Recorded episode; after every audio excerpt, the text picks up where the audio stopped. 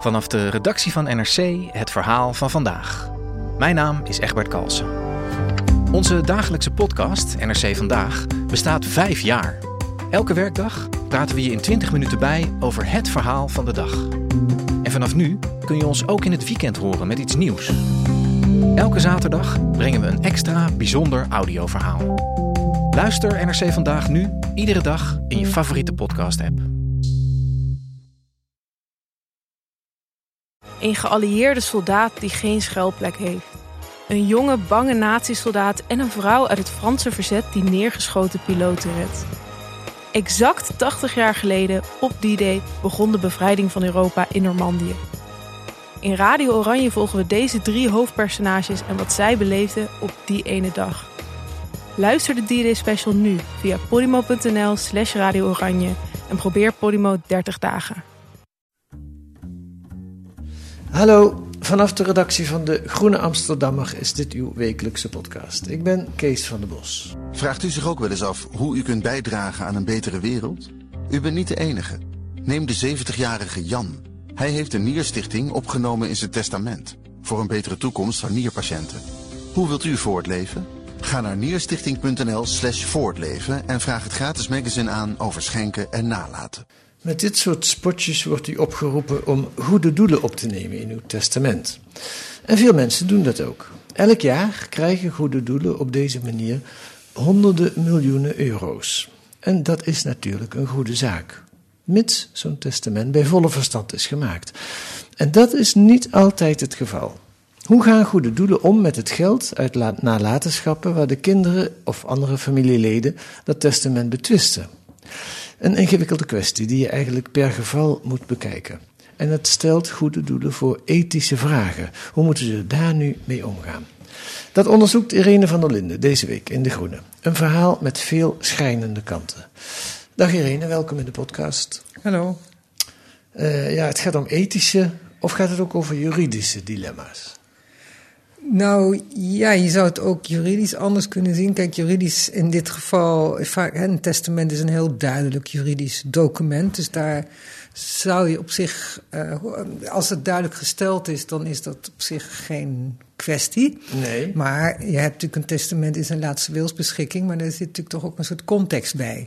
En, en uh, wat de goede doelen vaak doen bij conflicten, is gewoon zich heel erg achter dat juridische document schuilen. En zeggen: ja, dit is gewoon de laatste wil en dat willen we respecteren. En we willen eigenlijk niet naar die context kijken, want ja, dat, wie zijn wij? Hè? De erflater is dood, we weten het niet meer, we kunnen het niet navragen. Dus we, houden vast aan dat testament. En daar. Um, ja, ik vind dat dat soms wel te gemakzuchtig is eigenlijk. Ja, ja nou, het, verraste me, jouw artikel, want je denkt niet meteen aan problemen als het daarover gaat. Hoe ben je erop gekomen? Ik ben um, door één casus hierop gekomen. Ik werd benaderd uh, een anderhalf jaar geleden door een stiefzoon van uh, een, een, een man. Hij heet Kees. En um, uh, hij was overleden en na zijn overlijden, of vijf maanden daarna, kwam opeens via een notaris een test, oud testament naar boven. En in dat testament werd, werd zijn hele nalatenschap, uh, liet hij na aan twee goede doelen. Mm -hmm. en, um, Welke goede doelen? Het gaat om Stichting Gehandicapte Kind en uh, de Dieropvang Amsterdam. Oh ja. Um, daar hadden ze nog nooit van gehoord. Hij had het er ook nog nooit over deze doelen gehad. En um, ze waren heel erg verbaasd. En het was ook, dit testament was zo oud. Het was voor zijn huwelijk met zijn, de moeder van deze Michael die mij benaderde. Dus, een heel oud testament. Ja, uit 1997. Hij is in 2002 heeft hij zijn nieuwe vrouw ontmoet. En hè, zijn, zijn laatste vrouw. En hij is ook 16 jaar mee getrouwd geweest. 18 jaar samen mee geweest. Uh, heel gelukkig huwelijk gehad. Allemaal, zij, had kinderen, dus zij heeft veel met die stiefkinderen opgetrokken. En met haar stiefkleinkinderen en achterkleinkinderen. Dus nou, ze waren, en hij is drie jaar ziek geweest en heeft altijd gezegd: Ik heb het goed geregeld. Hij is met haar in uh, gemeenschap van goederen getrouwd. En um, nou, zij gingen, iedereen ging er eigenlijk vanuit: Nou, er was verder niks aan de hand. Zij erft gewoon, het ging, gaat alleen maar over een appartementje in Amsterdam West, dus ook geen rijke familie. Mm-hmm. Um, maar ja, goed, toen kwam dus dit, dit, testament en daarmee werd zij onterfd. Dus Uh, dat, was, dat heeft natuurlijk heel veel consequenties. En het Waar, waarom heeft Kees dat gedaan? Waarom heeft hij haar onterfd? Nou ja, dat, de, de, toen hij het testament maakte, kende hij deze, zijn vrouw nog niet, hè, Betsy nog niet. Dus, um, Als misschien zijn vorige vrouw? Nee, hij, heeft, um, hij, had, ja, hij zat toen hij het testament maakte in een beetje een moeilijke situatie in zijn leven. Ja. Hij was net weduwnaar geworden en hij zorgde voor een, een, een oude vriendin. En hij, had, hij was kinderloos. En in dat, die tijd, en hij sliep op een bankjes in het park. Hij was gewoon heel depressief en ongelukkig, heel verwarde tijd in zijn leven. En in die tijd heeft hij het testament gemaakt en hij had in eerste instantie alles nagelaten aan die vriendin. Die voor wie die zorgde. Ah ja. ja. En als tweede, omdat hij geen kinderen had, had hij gezegd: Nou, als zij er dan niet meer is, dan laat ik het na aan twee goede doelen. Ja. Die, die vriend, die Anna, die is eigenlijk al heel snel overleden na een jaar. En toen is hij weer teruggegaan naar Amsterdam. Hij woonde toen natuurlijk ook ergens anders. En uh, daarna, pas jaren later, um, heeft hij zijn huidige vrouw ontmoet, Betsy. Ja, en dat is misschien ook nog interessant. Bij de Jehovah-getuigen zaten ja. ze allebei. En dat zeg ik omdat binnen die kringen, dat schrijf je ook, het, de zorg voor je gezin hoog in het vaandel ja, staat. Ja, zeker als man heb je echt als taak om je, je gezin en je vrouw goed uh, te verzorgen en ja. na te laten. Ja. En, en hij was dus erg in verwarring en hij ging terug naar Amsterdam. En toen kwam hij bij de Jehovah-getuigen. En daar heeft hij deze Betsy ontmoet. Ja. Dus het is, hij heeft eigenlijk die laatste twintig jaar van zijn leven een heel nieuw leven geleid. Zou hij het vergeten zijn, dat Oude Testament? Nou ja, daar, daar, we weten het natuurlijk allemaal niet meer, maar dat zou heel goed kunnen. Ik vind, als je het, zijn verhaal hoort, ook het verhaal van die kinderen en zijn leven... Um, en hoe, wat hij tegen zijn beste vriend gezegd heeft. Hij, is eigenlijk, hij heeft tegen niemand gerept over dit testament. Nee. Het lijkt er heel erg op dat hij vergeten is. Ook omdat zijn, de eerste uh, erfgename, die Anna, overleden was. Dus Mm. het kan heel goed zijn dat hij, dacht, dat hij er niet meer aan dacht. Of, of dat hij dacht, ik ben getrouwd in, huwelijks, uh, in de gemeenschap van goederen. Met dat testament is niet meer geldig. Ah, ja. En Ja. dat schijnen meer mensen te doen. En ook, het blijkt ook dat er meer mensen zijn. Hè? Het komt vaker voor dat testamenten vergeten zijn. Ja, het is niet slim je moet het echt onthouden. En dat is ook een, een les. Hè? Een testament is gewoon boven alles staat het. Ja, juridisch is het een heel is het echt document. een heel zwaar document. Ja, ja. Dus op, je, je moet het echt dan denken om het om de vijf jaar even te updaten. En denken, Ja. klopt het nog? Maar het kan dus heel goed zijn dat hij dat dacht. Ja. Hij was postbode en uh, schoonmaker in zijn leven, dus hij heeft zijn geld uh, met moeite met elkaar geschraapt. En uh, zij was, zijn, zijn vrouw Betsy was ook schoonmaakster. heeft haar hele leven schoongemaakt in het Wieboudhuis in Amsterdam. Dus uh, ja, ze hebben gewoon dat appartementje en dat is het. Ja, het is een echt Amsterdams verhaal Ja, ook. hè, ja. Daar speelt het zich af. En Betsy en de kinderen waren stom verbaasd toen ze Ja. na vijf maanden ineens... Hoe gaat het dan? Krijg je een brief van de executeur of van de notaris? Hoe Notaris, Oh, ja. ja. En verdomd, er, is een, er blijkt een testament te zijn. En daar staan twee goede doelen in, want die Anna die leeft niet meer. Maar ja, wat ga je dan doen? Dan bel je die goede doelen op, denk ik. En dan ga je eh, eh, tegen hun zeggen hoe het zit.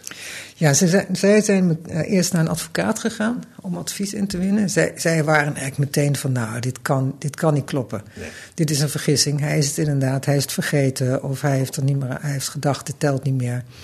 Maar, maar dit, dit, dit, moeten we gewoon duidelijk maken aan die goede doelen. En dat zijn goede doelen, die zullen wel menselijk met ons omgaan. En uh, laten we naar een advocaat gaan. We gaan met haar uh, die in advies inwinnen hoe we dit moeten aanpakken. En uh, dat hebben ze gedaan. En die advocaat die dacht eigenlijk zelf ook al van, met, hè, dat vertelde ze mij, van, dat, van nou, dit, dit, dit, dit kunnen we gewoon oplossen. Ja. Ook omdat het vaker voorkomt, uh, vergeten testamenten. En um, de, de fiscaal is er ook al wel, al, zijn er aanpassingen al gedaan. Dat, dat je op die manier met erfgenamen iets kan regelen. Oh, de fiscus heeft er enige clementie ja, voor. Ja. ja, en dat betekent, zegt natuurlijk ook al iets over een, een bepaalde waarheid. Ja. Maar uh, toen heeft ze een brief geschreven aan de goede doelen dat dit, het zo, dat dit zo is, dat ze in het testament zijn opgenomen, maar met het verzoek om het uh, niet te accepteren. Ja, verzwijgen kan niet. Hè? Dus nee, dus, nee, nee. De, je, moet, je moet het gewoon ja, uitvoeren. Ja, ja, ja, Dus je moet het met hun in gesprek. Ja, ja, ja. ja, ze zijn gewoon officieel erfgenaam. Dus ze bezitten nu samen met Betsy de helft van de woning. Maar toen kwam er een gesprek met uh, de twee directeuren van die uh, goede doelenorganisaties. Ja. En dat Ja. was een fijn gesprek, schrijf je. Ja, ze waren allemaal die goede doelen. Zegt, nou, we willen graag deze. We hebben nog nooit van deze Kees gehoord. Ze waren ook heel erg verbaasd over de erfenis. Ze kenden hem niet als donateur en ze, hij was er ook nog nooit geweest. Dus ze wist, dachten van, nou, we willen wel eens weten wie is die man en uh, wat is zijn motief geweest om dit te doen. Hm. En, uh, dus we willen Kees leren kennen. Dat hadden ze gezegd. En ze hadden ook gezegd, we willen het niet over juridische zaken hebben.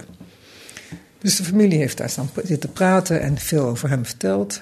En uh, daarna hebben de goede doelen gezegd, nou, wat ontzettend fijn. We hebben een beeld van Kees.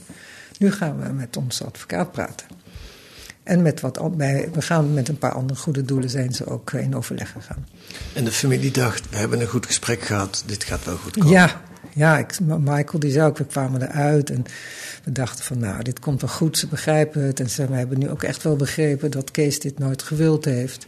En dit niet meer, op dit moment niet meer zijn wil is. Ja, want ze hebben natuurlijk dat hele verhaal verteld van dat Oude Testament. Ja, en, en hoe dat en wie wat was en ja. hoe dat hele huwelijk in elkaar zat. Ja. En dat ze ook echt gewoon geen reden was dat, die zijn, dat ze eigenlijk geen aanwijzing zagen waarom hij Betsy zou onterven. Ja. Maar dan? Ja, dan uh, krijgt ze na maanden krijgt de advocaat uh, van de familie een telefoontje dat ze het wel accepteren. Dus. Um, punt. Punt, ja. En dan gaat de familie nog een juridische procedure aanspannen, want ze leggen het voor aan de rechter. Ja. En dan zijn die goede doelen zelf zo formalistisch of zo hard dat ze ook nog eh, ze eisen in, dat, in, dat, in die juridische procedure. Nou, wij willen het geld gewoon hebben, want het staat in het testament. En de familie moet ook maar opdraaien voor de proceskosten, want dat is ook nergens. Ja, dat vond ik wel heel schokkend, moet ik zeggen. Ja. De rechter is daar ook in meegegaan. Maar um, ja, ik vond het eigenlijk wel heel schokkend dat je dan eigenlijk ook nog uh, haar min of meer, ja, dat je haar laat opdraaien voor jouw eigen advocaatkosten. Terwijl dit toch duidelijk een zaak is waarin heel erg groot dilemma speelt. Ja. Maar voor de rechter was het geen groot dilemma, blijkbaar. Het, juridisch uh, uh, is het nu eenmaal rechtsgeldig wat daar staat. Ja, dat is, zij heeft natuurlijk ook niet zo heel veel speelruimte. Ze had misschien, daar ben ik juridisch niet goed genoeg voor onderlegd, maar zij heeft uiteindelijk aan de, aan de, aan de beide partijen gevraagd om te onderhandelen. Om er nog uit te komen oh, ja. zonder uitspraak. Dat is niet gelukt. En um, uh, toen is ze met de uitspraak gekomen dat het testament gewoon uh, geldig is. En, ja. en, en, en, ja, dit, dit, is natuurlijk ook niet, het gaat niet om een zaak van wilsonbekwaamheid of wilsbekwaamheid. Dat zijn natuurlijk heel veel dingen die, waar dus problemen wat vaak voorkomt bij een uh, testament met uh, goede doelen. Mhm. Mm -hmm. Dat de familie daarin twijfelt of iemand net op het laatste moment nog, terwijl die eigenlijk al dementerend is, zijn testament veranderd heeft. Maar uh, ja, dit gaat meer over de context van het ja. moment van, test, van het te testeren, zoals dat heet. En, oh, uh, is dat een werkwoord? ja, dat is schijnt een werkwoord te zijn. Wel mooi. Ja. Maar, um, nou ja, en eigenlijk natuurlijk ook, um, waar het volgens mij heel erg om draait hier, is het zijn goede doelen. En ja. ze, ze, ze, ze, zijn uh, aan de voorkant willen ze goede dingen doen. En in het geval met uh, gehandicapte kinderen of met dieren. Dieropvangen zijn allemaal hele mooie uh, dingen die ze doen. Maar, en ze zijn. Ze, die, die, die, die, na, de gaten en erfenissen zijn heel belangrijk voor ze. En daar krijgen ze veel geld van. En het, het punt is natuurlijk van hoe ga je dan om met, met nabestaanden? Daar gaat het echt om in dit geval. En daar ja, daar, daar, daar kun je natuurlijk zeggen, ja, een testament is testament. En daarmee eigenlijk je achter je juridische werkelijkheid verschuilen, schuilen en zeggen, ja, we kunnen er niks aan doen. Maar dat is natuurlijk nooit helemaal waar. Nee. Je hebt ook die goede doelen gesproken, neem ik aan. Ja, Wat zeggen zij ervan? De Stichting Het Gehandicapte Kind. Ja, ze zeggen dat ze het heel vervelend vinden voor de familie, maar dat ze niet anders kunnen, hè, om het even kort te zeggen.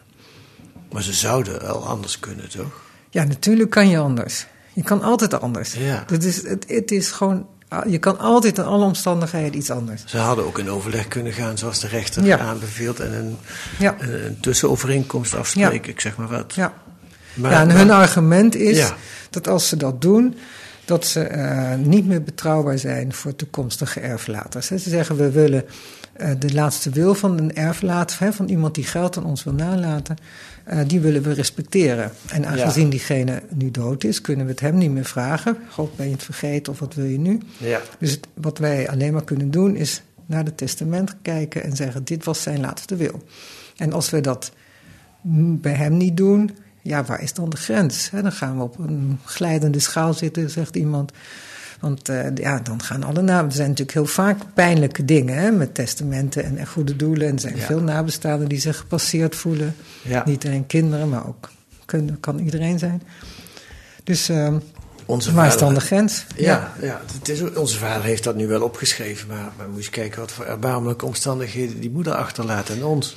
Kunnen jullie daar niks aan doen? Dat, dat, dat, dat, dat soort gesprekken kun je, zullen ze vast ook wel eens krijgen. Ja, of we hebben nog ruzie gehad, of hij is zo beïnvloed door die of die. Of, En dat is natuurlijk uh, en nou, wilsbekwaamheid. Hè? De, vraag was iemand nog wilsbekwaam toen hij een testament. Dat is, een, dat is een kwestie die echt wel vaak speelt. Er zijn ook wel rechtszaken over, eerdere rechtszaken over geweest. Nou, nu je het zegt, laten we daar meteen naar gaan luisteren. Ik heb een fragment van één zo'n zaak. Speelde in 2015. Daar gaat het om miljoenen. Dat is bij Kees en Betsy niet. Daar gaat het om tienduizenden euro's, geloof ik. Hè? Hier gaat het om miljoenen en een groot landhuis. Het gaat om Arend Broekhuis. En eh, één vandaag heeft daar, ook andere media, hebben er in 2015 aandacht aan besteed. Uh, luister maar. Els en Ankie kunnen er nog steeds niet over uit dat hun stiefvader Arend, met wie ze 60 jaar lief en leed deelden, zijn hele vermogen van 26 miljoen euro plus de familievilla afstond aan twee goede doelen: het Leger des Heils en de Stichting Zonnebloem. Waarom naar deze twee doelen en de rest vergeten?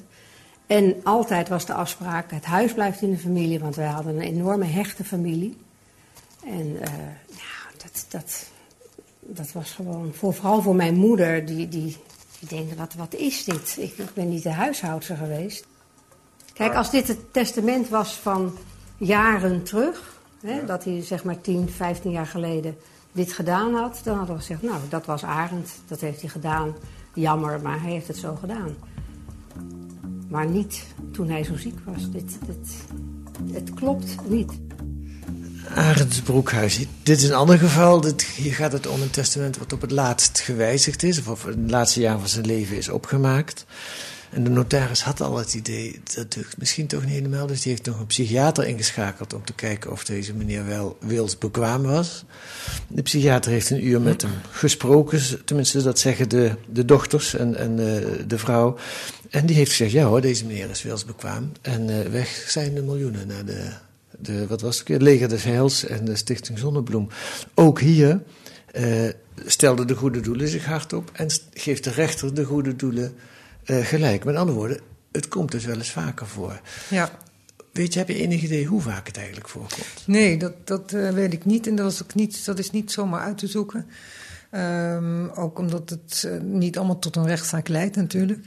En soms wordt het wel achter de schermen gewoon opgelost en onderhandeld. Ken je voorbeelden waar de goede doelen het zachtaardiger hebben aangepakt? Nee, want dat willen ze, daar komen, willen ze niets over zeggen. Dus ik heb wel een advocaat gesproken, ja. uh, niet de advocaat van deze familie, maar een andere advocaat. Ja. En zij, heeft wel, zij doet ook dit soort zaken en staat zijn familie bij. En zij zegt dat zij vaak altijd eigenlijk onderhandelt en het nooit tot de rechter laat komen, omdat ze gewoon weet dat rechters gewoon niet om dat testament bijna heen kunnen. Ja. En, uh, maar het komt dus wel eens voor dat ja. de goede doelen bereid zijn om te onderhandelen. Of, sommige, ja. of andere goede ja. doelen misschien dan de hier genoemde. Ja. Ja. Maar dat houden ze een beetje uit de publiciteit. Ja, ja dat denk ik. Dat, dat dat toch een reden is dat je daar niet om mee te koop uh, wil lopen. En de familie is natuurlijk ook niet. Dus dat, is, ja, dat speelt natuurlijk wel. Maar ja. hoe de meeste mensen die ik heb gesproken... ik heb wel veel rondgebeld, ook naar andere goede doelen. Ja. En uh, ze zeggen eigenlijk allemaal... en ook naar een paar adviseurs... Uh, die, die goede doelen adviseren over nalatenschap... het werven ervan, maar ook de afhandeling van nalatenschappen. Ja. Um, uh, dat, die zeggen eigenlijk allemaal, we, we, we scharen, hè, die scharen zich eigenlijk allemaal achter het standpunt van deze, van DOA en het uh, gehandicapte kind. Uh, omdat ze zeggen, ja, een testament is testament. En hetzelfde argument als uh, al, eerder, uh, al eerder bespraken. Dus een openbare, te citeren uitspraak uit de wereld van de goede doelen... die dit, bij dit soort kwesties zegt van... nou, misschien moeten we daar toch wat soepeler mee omgaan... of dat doen we wel eens, die, die heb je niet kunnen vinden. Nee, nee, nee, nou, nee behalve één... Ik, ik, sprak de directeur van het Humanistisch Verbond en zij, zij gaan er wel echt anders mee om. Okay. Zij zeggen ook van ja, we, wij, pakken, we willen het humanistisch aanpakken, in, in lijn van, de, van de, hun uh, doelstelling. Maar zij, um, Uh, zij zijn überhaupt anders. Zij, zij stimuleren ook niet echt. Uh, hè, want heel veel goede doelen hebben echt afdelingen waarin ze nala, een werven, waar, helemaal gericht op het werven van erfenissen en uh, legaten. Ja, spotjes. Hè, spotjes die we al eerder hoorden. Ja, ja. Stichting het Gehandicapte Kind ja. zat al deze week. En het is natuurlijk ook heel interessant. Er komt een hele, is een hele rijke generatie aan het vergrijzen. En daar komt dus, ja, dat is gewoon bekend, en, en veel geld vrij. Ja, jij schrijft vorig jaar hebben die goede doelen samen 388 miljoen euro gekregen. En dat de verwachting is dat dat de komende jaren nog meer gaat worden. Ja, dat zal wel toenemen, want het neemt al de laatste jaren heel erg toe. Ja. En uh, ja, de verwachting is dat dat heel erg groot, veel meer zal toenemen. Dus al die goede doelen denken, nou, daar willen we ook wat van. Dus ze gaan, je hebt nu spotjes en het zijn grote campagnes op radio, tv en kranten. En, en ze hebben daar dus eigen afdelingen voor die daar uh, nou, beleid opvoeren. Sommigen willen zelfs de notaris wel voor jou betalen als je het, uh, het aan Notaris, executeur, uh, ze, ze alles regelen. Dus de, ja, dat, dat, die, die, van alles kunnen ze ja. doen. En, ze, en, wat ze ook doen is uh, actief je benaderen. Dus het Stichting Het Gehandicapte Kind bijvoorbeeld vertelt dat ze donateurs van boven de 50 al heel gericht een brief sturen. Van hé, hey, denk eraan, je kan ons ook opnemen in, een, in je nalatenschap. Ja. Ja. En um, grote donateurs, die vallen natuurlijk helemaal op. En dan komen we even bij het spotje van Arend Broekhuis. Hij was al een hele grote donateur bij Leven. Ja, en dan val je op en dan word je ook persoonlijk benaderd. Word je gewoon gebeld. En dat is in zijn geval ook gebeurd. Ja, nou is daar op zich niks mis mee, want goede doelen uh, moeten het ook van marketing en werving ja. hebben. Dat is uh, om een inkomsten te krijgen. Maar dan is het wel wrang als je nou, dit soort casussen, als jij van, nu beschrijft van Kees en Betsy, als je dan ziet hoe hard ze zich daar opstellen. Maar je was aan het vertellen dat de humanisten dat anders doen. Oh ja. Um, uh, de humanisten die hebben gezegd van nou, wat wij doen, wij willen eigenlijk alleen maar met mensen die we kennen. Uh, als mensen bij ons, ons willen, uh, in de nalatenschap willen opnemen, willen we ze heel graag kennen. En dan willen wij, wat wij aanbieden, is een dienst, namelijk de hele ex, uh, als executeur optreden. Dus dan regelen we de hele nalatenschap, de begrafenis en alles. Ja. het gaat dan ook vaak over mensen zonder kinderen. Ja. En dan doen ze deze dienst. En dan als tegenprestatie zijn ze dan deels of via een legaat of opgenomen in de erfenis. Um, in het testament hè, krijgt ze een deel van de erfenis. Hoeft natuurlijk niet alles te zijn, maar gewoon dat ze iets krijgen ervoor. Mm -hmm. En um, daarmee zijn ze dus altijd bekend met de erflaters. En hebben ze wel eens een soortgelijke kwestie aan de hand gehad? Nee, dus niet. Dat hij, hij had het nog nooit aan de hand gehad. En okay. dat, hij zei, het komt ook niet vaak voor hmm. dat ze dat um, op die manier meemaakten. Ook omdat ze dus eigenlijk altijd op deze manier uh, met erflaters omgaan. Dus ze kennen ze. En ze Ja, weten ja. dus ook de motivatie. En, Ja. Ja. En daarbij hebben ze dus geen. Dat, ze hebben nu wel een beetje als regel ook, omdat van vroeger hadden ze dus vaak met, met kinderen krijg je vaak al met complexere situaties te maken. Dus ze hebben gezegd: in principe doen we dat dan niet. Ah ja. ja. Heb je het ook nog over deze casussen met, met die eh, directeur van het Humanistisch Verbond gehad, of dat niet? Nou ja, hij zei dus: hij, kan, hij kan, je natuurlijk nooit helemaal. eh, de- je kent de, ka- hij kent de kaas natuurlijk niet precies, maar hij zei wel van nou, ik vind dat hij heel erg mee eens was dat je vindt dat je toch ook echt ethisch en moreel hiermee om moet gaan en met nabestaanden om moet gaan. Ja. Dus daarin zei hij wel wat.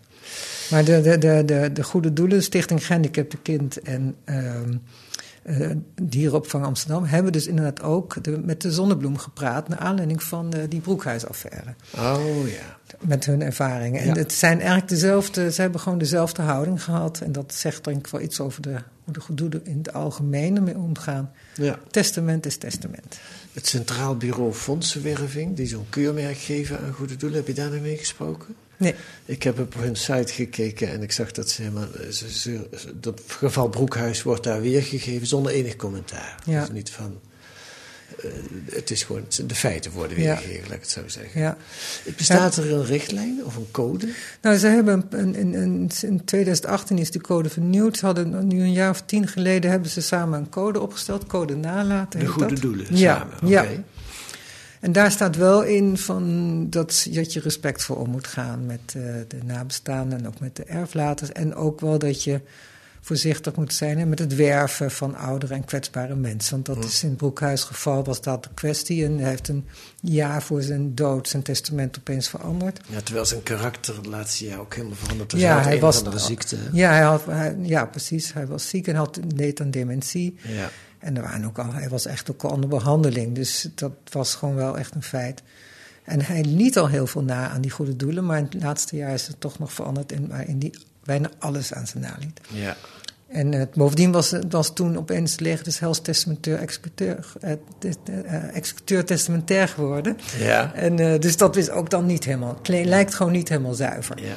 ja. En ook nu, we waren er niet bij, maar het was, niet een, eh, een- het was ook een hele vrij, vrij harde, harde opstelling in feite. Ja, en, daar- en, maar er bestaat dus een code, maar als ik jou goed begrijp, is die redelijk vaag. Ja, respect, er staat natuurlijk niet in dat je respectloos om moet gaan met Nee, nabestaanden. nee, nee, dus ik denk dat in die code, dat denk ik zelf naar aanleiding van dit hele onderzoek eh, en deze kwestie die, die ik dan nu in heb, ben gedoken, Ja, eh, dat er best wel iets aan toe te voegen zou zijn aan die code. En dat het eigenlijk toch iets is waar goede doelen over zouden moeten praten. En ehm, in, in Engeland bijvoorbeeld, in Anglo-Saxische landen zijn ze al wat meer ervaren in werven. En dat doen ze al natuurlijk veel langer. En eh, daar is bijvoorbeeld de code dat je ehm, als je een ehm, goed doel opneemt in het testament, dat je daar dat een brief bij moet schrijven Aan waarom je dat doet. aan het goede doel. Ja, dat, waarin je moet uitleggen waarom je het goede doel bevoordeelt boven je familie. En het goede daarvan is natuurlijk dat, je, dat en de familie het begrijpt. Ja. En eh, dat je het heel bewust doet. Dus ik denk in, in mijn geval, eh, dan had deze Kees het weg toch wel herinnerd Ja. dat hij dit had gedaan. Ja. Ehm, en dat je. eh, dat de goede doelen mogen het ook niet aannemen als die brief er niet bij zit. Ja.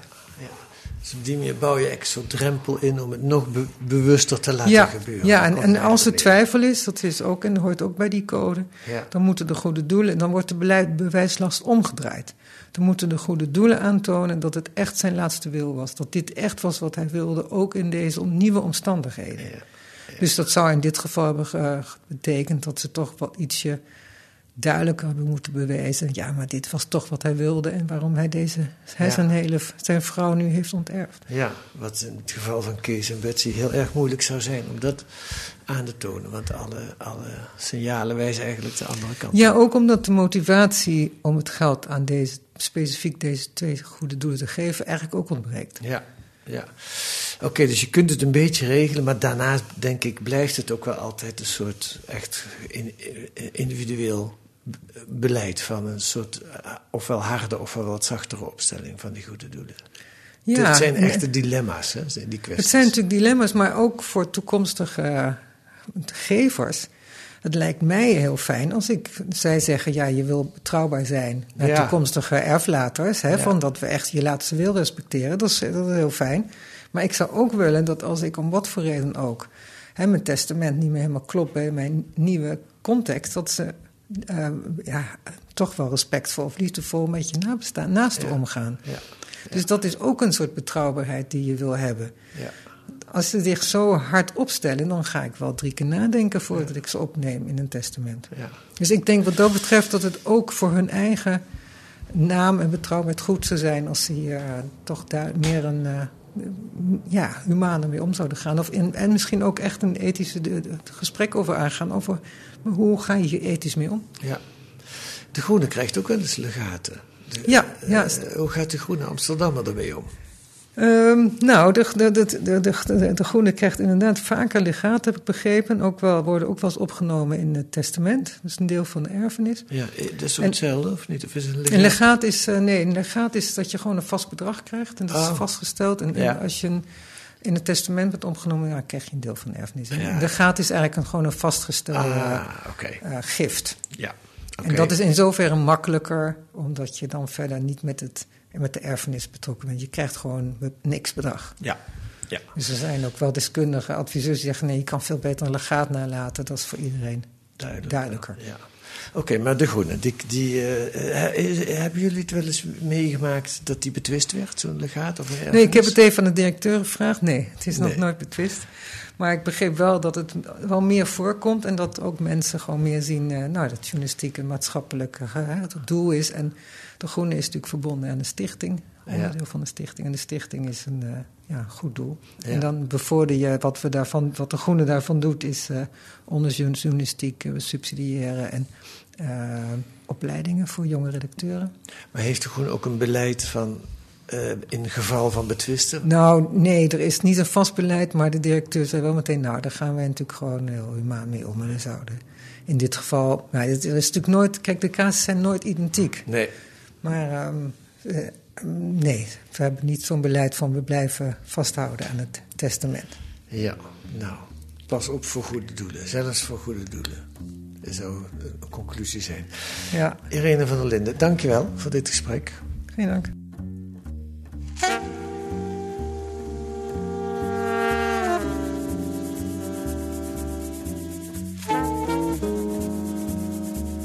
Wat staat er nog meer in de Groene deze week? Een onderzoek naar extreme filmpjes over eetstoornissen op TikTok. Jongeren die geïnteresseerd zijn in bijvoorbeeld afvallen of dunne vrouwen, komen door het algoritme van de app in no time bij deze schadelijke filmpjes uit. En schadelijke filmpjes zijn dan eh, die kinderen naar richting anorexia duwen. En een reportage over een vorm van slavernij in Libanon. Werksters die door hun bazen vaak schandalig behandeld worden. Maar die komen nu in opstand. Dat kunt u lezen met een abonnement of een proefabonnement. Op groene.nl wordt u dat allemaal uitgelegd. Wilt u reageren op deze podcast, kan dat via de mail. Stuur die dan naar podcast.groene.nl. Uh, volgende week zijn we er weer met analyses en achtergronden bij het nieuws in deze podcast van de Groene Amsterdammer, die deze week werd gemaakt door Elke van Leiden en Kees van der Bos, met muziek van Paul van Kemenade, A Tune for N. Uh, en ik uh, ontmoet u graag weer volgende week.